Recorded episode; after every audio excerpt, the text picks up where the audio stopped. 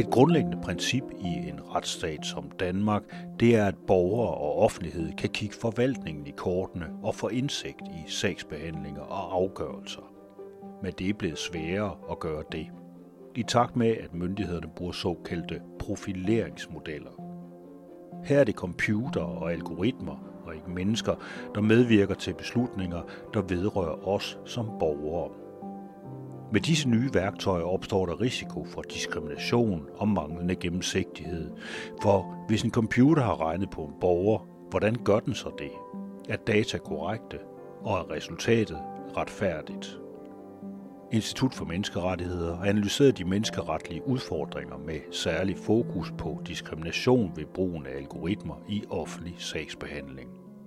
Jeg mødes øh, med forfatteren bag undersøgelsen, jurist og chefkonsulent Maria Akhtar, en vinterdag i København. Det er en øh, råkold rockhold mandag under coronalockdown corona-lockdown, bølge 2. Vi befinder os på Christiansborg, faktisk lige ved den kongelige ridebane, tror jeg den hedder her. Der er, der er to heste ude i dag, der står og spiser meget analogt af et eller andet, sådan nogle kæmpe store plastikfade derinde. Øh, de er pænt pakket ind, ligesom os. Jeg har sammen med Maria Aktars fra øh, Institut for Menneskerettigheder. Øh, vi kan ikke være på Institut for Menneskerettigheder, fordi at der er lukket ned, også på grund af covid lige i øjeblikket. Øh, men vi er så ude at gå en tur i stedet for, og vi skal tale om diskrimination i forbindelse med brug af kunstig intelligens og profileringsværktøjer og øh, algoritmer, når man laver algoritmisk profilering i den her sammenhæng. Og det her med diskrimination, det har altid været en central del af Institut for Menneskerettigheders arbejde, at holde øje med de her ting. Hvilke nye skal man sige, aspekter bringer øh, sådan noget som, øh, som profilering af kunstig intelligens ind over den debat? Det bringer, øh, det bringer nogle forskellige nye aspekter. Noget af det øh, har vi prøvet at skrive ned i vores overbliksnotat, men noget af det er der faktisk ikke plads til at beskrive i et kort notat. Så, så, så, så der er mange, mange forskellige facetter af det her med, hvordan at diskriminationsforbuddet bliver øh, udfordret på forskellige, på andre måder, end hvad vi har været vant til, når vi gør brug af profileringsmodeller. Og den måde, jeg har prøvet at forklare det på, det er ved at dele diskriminationsrisici op i tre niveauer. Øh, hvor øh, øh, man kan sige, at der er nogle niveauer, som der er sammenlignelige med, hvis at det var en manuel sagsbehandling, og andre, som der simpelthen rejser nogle, nogle nye spørgsmål eller algoritmiske dilemmaer, som vi kalder dem. Og hvis man starter med sådan det nederste niveau, det der er mest sammenligneligt med øh, manuel sagsbehandling, så er det jo, at, øh, at der for profileringsmodeller kan opstå en risiko for diskrimination, hvis at grundsandheden, altså det, som den er blevet født ind med, at data diskriminerer. Det kunne jo både være afgørelser, som der faktisk viser sig at være forkerte, men som man har valgt skulle fødes ind i modellen, for at den kan træne videre på dem. Men det kan sådan set også være, at afgørelserne ikke er repræsentative, at man ikke i tilstrækkelig grad har øh, set på øh, befolkningssammensætningen i de afgørelser eller de data, som man føder modellen ind med, eller at der faktisk var nogle legitime undtagelser eller særlige hensyn at varetage for beskyttede grupper. Beskyttede grupper kan være øh, øh, øh, kan dannes enten på baggrund af etnicitet, eller køn, eller handicap, og nogle særlige hensyn, som man ikke har fået født ind i den her model fra starten af. Det kalder man populært for garbage in, garbage out. Øh, så hvad du føder ind i modellen, det vil være det, som den vil videreføre. Diskriminationsforbuddet følger af en lang række internationale konventioner, den europæiske menneskerettighedskonvention, EU-retten og dansk lovgivning. I lovgivningen skældes der mellem direkte og indirekte diskrimination. Direkte diskrimination indebærer, at en person på grund af et beskyttet kriterium som køn, etnicitet, religion eller tro, handicap, alder eller seksuel orientering behandles ringere end en anden i en sammenlignelig situation. Når det fremgår, at grunden til den ringere behandling skyldes et beskyttet kriterium, så er der tale om direkte diskrimination eller ulovlig forskelsbehandling.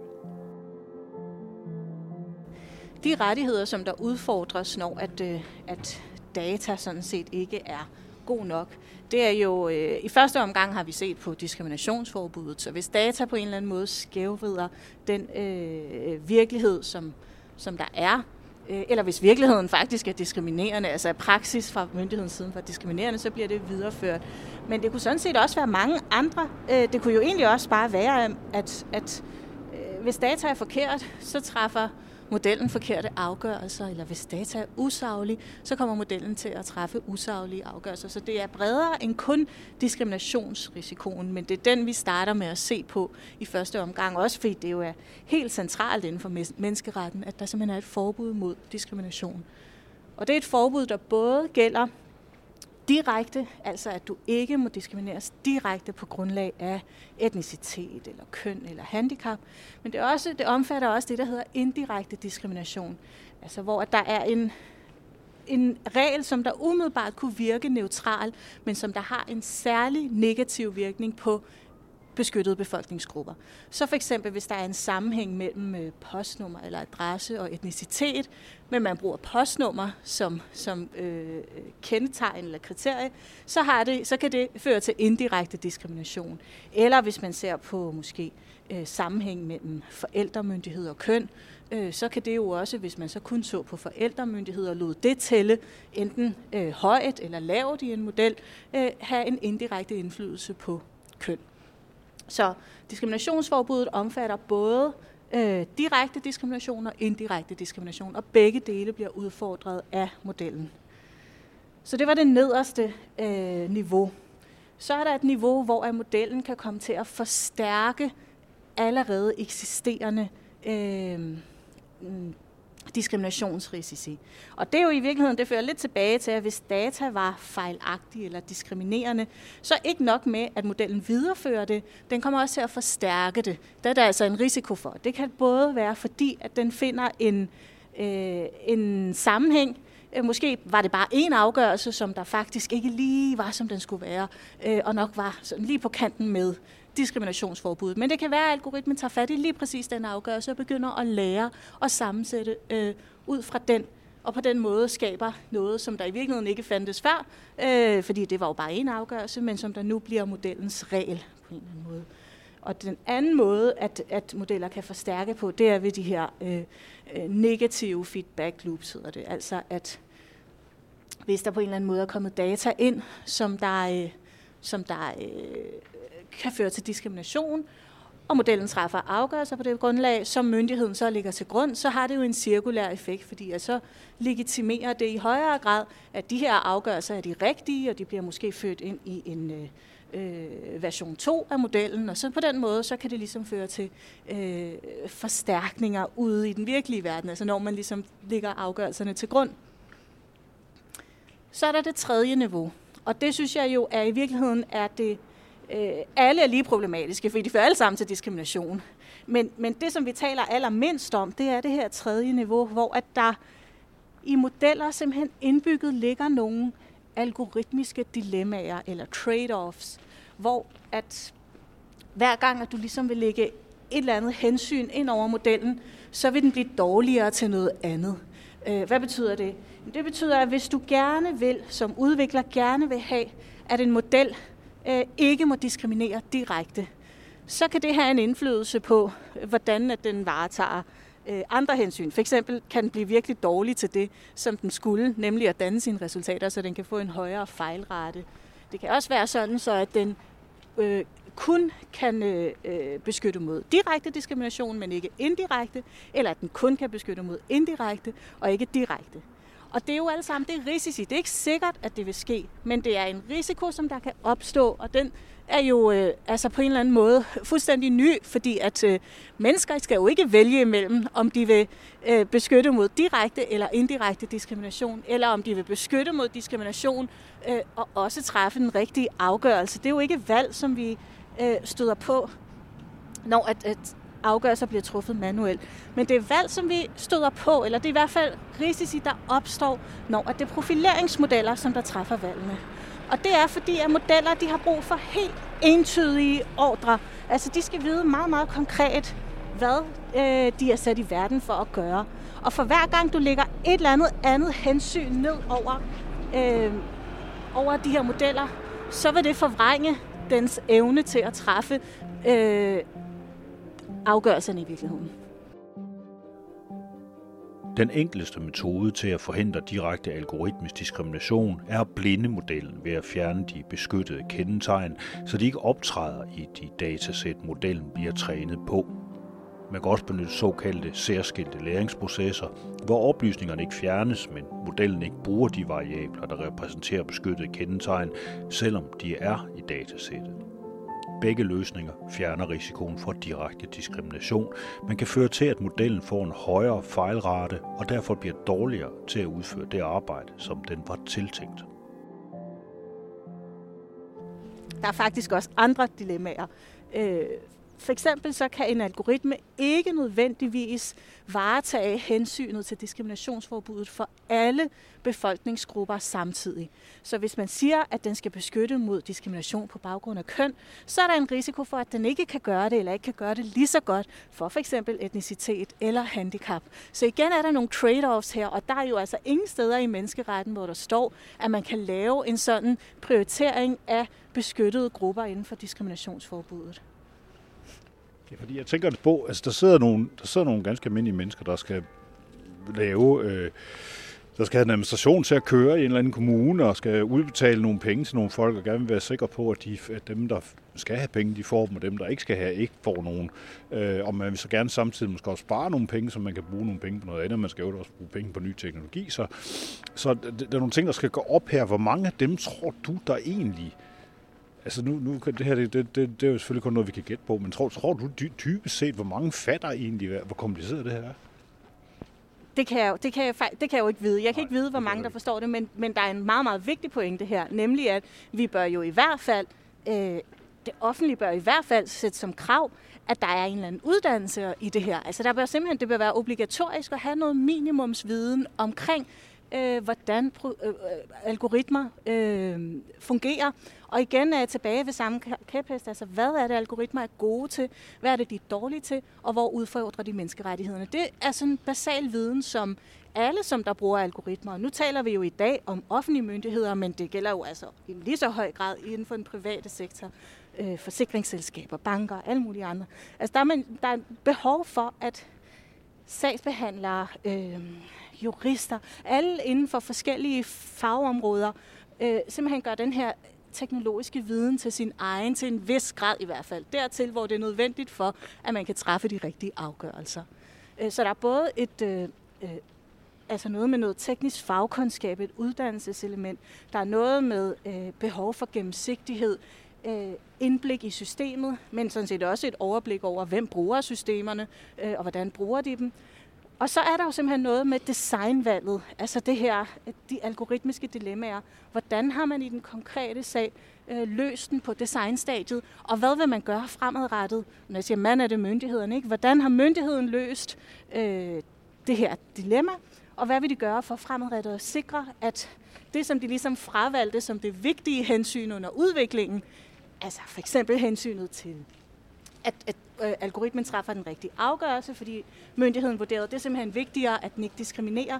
Hvordan vil myndigheden så sikre, at den jo alligevel bliver brugt på en måde, sådan så myndigheden i sidste ende træffer den rigtige afgørelse?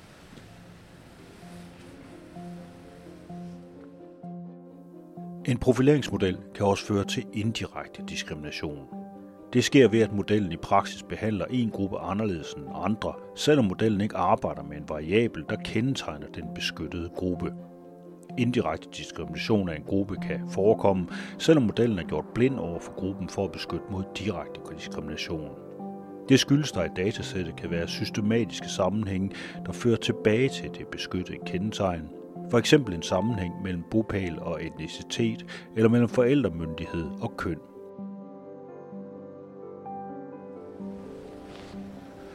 Maria Akhtar og fra Institut for Menneskerettigheder og jeg, vi befinder os nu foran øh, hovedindgangen på Christiansborg lige i øjeblikket, der hvor de normalt altid står, når der lige har været valg og sådan noget. Øh, og det er jo kendetegnet ved, at det her det er jo mennesker, politikere er mennesker, som er subjektive. De har en, en holdning til ting, til det de forsøger at arbejde på at få gennemført fra A til B. Men algoritmer kan også være subjektive. De kan have det, der hedder bias. Kan du prøve at forklare lidt om, om hvor, hvor man oplever det henne, og, og hvordan det ligesom påvirker for eksempel netop menneskerettigheder. Ja, ja det, det, det er faktisk meget, meget vigtigt. Altså det her med, hvad er algoritmisk bias? Øh, som jeg nævnte før, så er algoritmer ikke objektive. Algoritmer er ikke neutrale. De har al, altid et eller andet formål designet ind i sig, og det er meningen med en algoritme, at den har bias. Altså bias er sådan set bare algoritmens måde at tænke på. Fordi en algoritme ikke kan tænke som et menneske, så har den behov for at sortere og klassificere forskellige variable ind i forskellige kasser, og på grundlag af det danne nogle mønstre eller se nogle sammenhænge og komme frem til et resultat. Og den måde, som algoritmen gør det på, det er ved algoritmisk bias. Så bias er sådan set ikke et fyord. Det, det er det, som den kan. Der, hvor problemet opstår, det er jo, når at den her bias fører til ulovlig forskelsbehandling. Øhm, altså der, hvor at vi simpelthen rammer ind i diskriminationsforbuddet. Så det er vigtigt at forstå, at alle former for bias, eller alle vægtninger og vejninger, som algoritmen foretager, er ikke i sig selv udtryk for diskrimination. Men nogle af dem kan være det, eller nogle af dem kan blive det. Øh, så, så, så ja. ja. Du siger, altså nogle af de her, der er ikke noget galt med, med, med at den, altså det, at den har en retning og et formål, kan man sige. Det er noget, den bestemt den skal gøre det giver den i forvejen en, en bias, altså en hældning imod nogle bestemte ting. Men det kan meget hurtigt blive et andet. Det kan hurtigt blive et problem, man taler om algoritmisk bias som et seriøst problem. Kan du nogle eksempler på, hvor det er et problem? Ja, jamen, det er fuldstændig rigtigt. Altså, I virkeligheden er der mange eksempler på det, som man kunne kalde øh, ulovlig algoritmisk bias, men som jeg simpelthen, jeg synes bare, man skal kalde det for, hvad det er, diskrimination. Så altså, jeg synes, der er sådan en terminol, terminologisk forskel imellem algoritmisk bias, som der bare betyder, at algoritmen vægter og vejer og tænker på en anden måde, end vi gør. Og så er der diskrimination. Men problemet er, at algoritmisk bias, dens måde at vægte og veje forskellige kriterier på, finde forskellige sammenhænge, kan føre til diskrimination.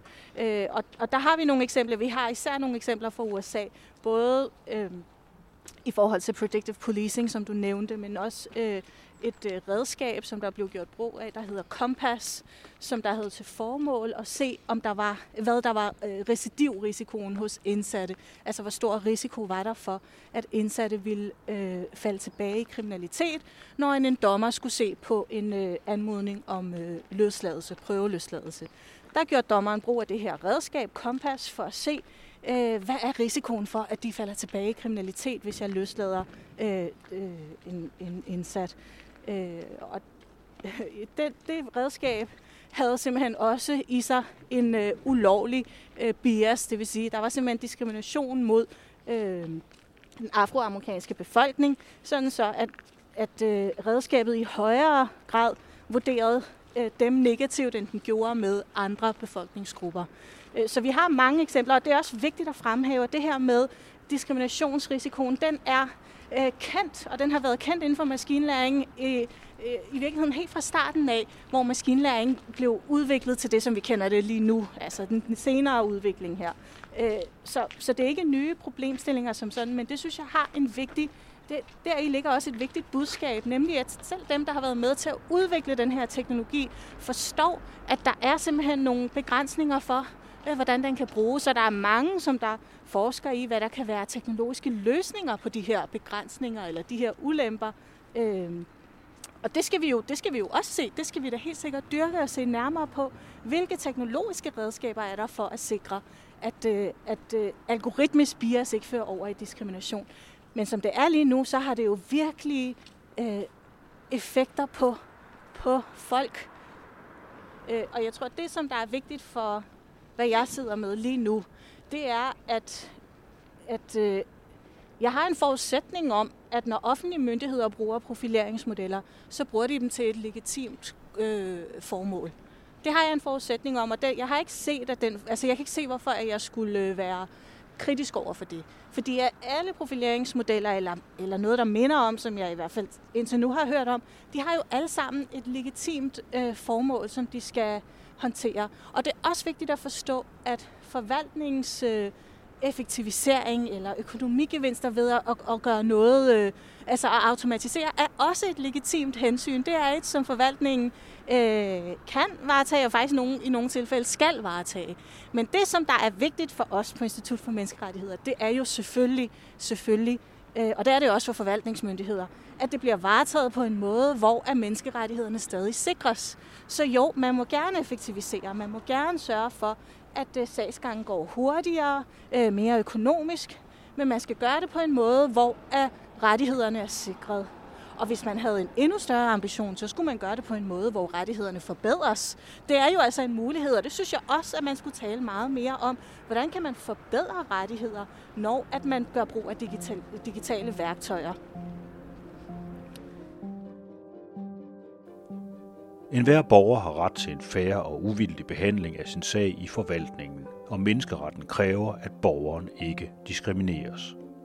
Der opstår nye risici for diskrimination, når dele af afgørelsen overlades til en profileringsmodel, der analyserer borgernes oplysninger på måder, som de færreste kan forstå. Hvis man nu ser på sådan noget, altså forskelsbehandling eller diskrimination, så kan det måles og vejes på forskellige måder. Fordi hvad vil det sige, at man er blevet behandlet forskelligt? Vil det sige, at øh, en afgørelse øh, er blevet vurderet forskelligt for dig eller mig på baggrund af køn eller etnicitet? Eller vil det sige, at der er en højere risiko for, at modellen vil begå, begå fejl, når det er mig, den skal vurdere, end dig? Altså, så er det i selve vurderingen af resultatet af os, eller er det i fejlretten? Eller er der måske en større risiko for, at modellen vil give øh, falske positive, når det er en person med en anden etnisk baggrund, eller køn, eller en handicap, end hvis det ikke er. Altså, og hvis vi så siger, at falske positive er dem, hvor det vil være et negativt udfald. Altså, ja, du er, er en, som der begår social bedrageri. Lad os sige, at algoritmen skal se på risikoen for social bedrageri, og så har den en højere tendens til at udvælge personer på grundlag af køn, etnicitet eller andet, til øh, øh, at begå social bedrageri, end, end, øh, end hvis man ikke har de her beskyttede kendetegn. Så er det jo noget med, at den, altså fejltyperne, øh, det vil sige, om det var en falsk negativ eller falsk positiv, de er forskellige. Og man kan heller ikke varetage alle de her hensyn. Det er jo forskellige måder at varetage hensynet til diskriminationsforbud på. Og hvis man spurgte rent juridisk, så er det jo lige ulovligt, om vi bliver vurderet anderledes, om fejlretten er anderledes for mig, eller om jeg er i, risiko, i højere risiko for at falde ind i en bestemt type af fejl, end du er. Det er alt sammen diskrimination. Men modellen kan altså ikke varetage og måle diskrimination på alle de her parametre samtidig. Så man er nødt til at vælge, om man vil gøre det ud fra, om vi bliver vurderet forskelligt, øh, eller om vi bliver om fejlretten er forskellig, eller fejltypen, eller hvad vi vil kalde det, er forskelligt.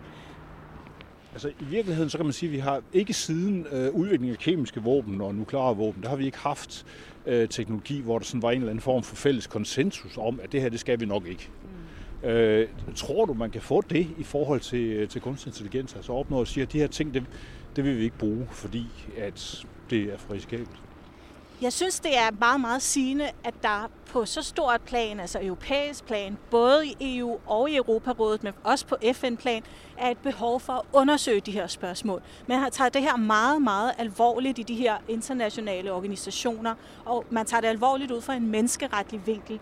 Så jeg synes, det er vigtigt at, at forstå og vide, at det er noget, som der bliver undersøgt, og den måde, man vil gå frem nu, vil være med til at farve hele den måde, som det fremadrettet kommer til at være. Fordi at teknologien er i gang, og den har været i gang i lang tid, men nu er man også begyndt at regulere, eller man er begyndt at overveje, hvordan vi skal regulere det her.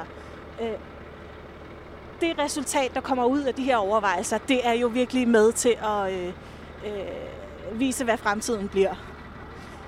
Så meget desto mere, så synes jeg også, hvis man vender tilbage til, hvad vi sidder med herhjemme, og når vi taler om Øh, øget digitalisering i Danmark, så er vi nødt til også at tage den her store ramme ind. Altså, at der ligger nogle principielle og vigtige spørgsmål bagved. Det kan godt være, at de ikke retter sig direkte mod brugen af profileringsværktøjer, når man øh, skal afklare, om der er nogen, der er i risiko for at begå social bedrageri. Men, men det er hele rammen, det er hele baggrundstæppet. Det er det her med, øh, hvad er AI? Øh, hvad kan det bruges til? Øh, og hvordan vil vi bruge det fremadrettet? Så vi er nødt til at tage samtalen også herhjemme politisk, men sådan set også, øh, jeg så gerne, at offentlige myndigheder simpelthen lavede nogle helt konkrete måder, nogle, simpelthen nogle punkter i deres sagsgange, hvor de sikrer, at de har varetaget de hensyn, der gælder allerede nu. Altså, forvaltningsretlige regler er teknologineutrale. Det, som myndigheden skal, når den gør noget manuelt, det skal den også gøre, når den automatiserer. Så de rettigheder, der gælder manuelt, gælder også, når der er automatiseret. Men der opstår nye udfordringer ved automatisering. Udfordringer, som vi ikke har set før, og det skal simpelthen adresseres. Altså det, vi har talt om i dag, det er to nedslag meget, på meget, meget konkrete problemstillinger. Men det er ikke ens betydende med, at vi på instituttet mener, at hvis man adresserer det her, så er problemerne løst. Faktisk slet ikke. Det, er, øh, det første er simpelthen at kortlægge alle de problemer, som der er. Og det andet er, at min overbevisning er, at der simpelthen er brug for sådan helt, øh, altså på systemniveau, brug for en ændring i den måde, som vi bruger teknologi i det offentlige Danmark. Og det er helt fra, hvem der udvikler øh, øh udbudsregler, øh, alle de her lavpraktiske ting, hvordan bliver det brugt, men det er også sådan noget som, bør der være et nyt øh, slags tilsyn? Bør der være et tilsyn med brugen af kunstig intelligens? Hvem skal sidde der? Hvem skal bestemme? Hvad skal de have adgang til? Så der er rigtig, rigtig mange overvejelser i det her. Hvordan sikrer vi, at brugen af profileringsmodeller bliver rettighedsbaseret. Og hvad vil det sige, at noget er rettighedsbaseret? Hvordan skal vi definere det? Det er slet ikke defineret nogen steder. Så det er der i arbejdet ligger, og i det store arbejde, der er det her bare to eksempler, altså diskriminationsrisikoen og problemer med gennemsigtighed i og om brugen af modeller er bare, og det er virkelig vigtigt at fremhæve, det er bare to eksempler. Det er nogle af dem, vi taler mest om, men der er rigtig meget andet, som der er behov for at gennemregulere, før at vi kan sige, at vi har en rettighedsbaseret brug af profileringsmodeller. Og som det er i dag, så er jeg ikke overbevist om, at vi har en sådan tilgang til profileringsmodeller. Og det synes jeg er et problem.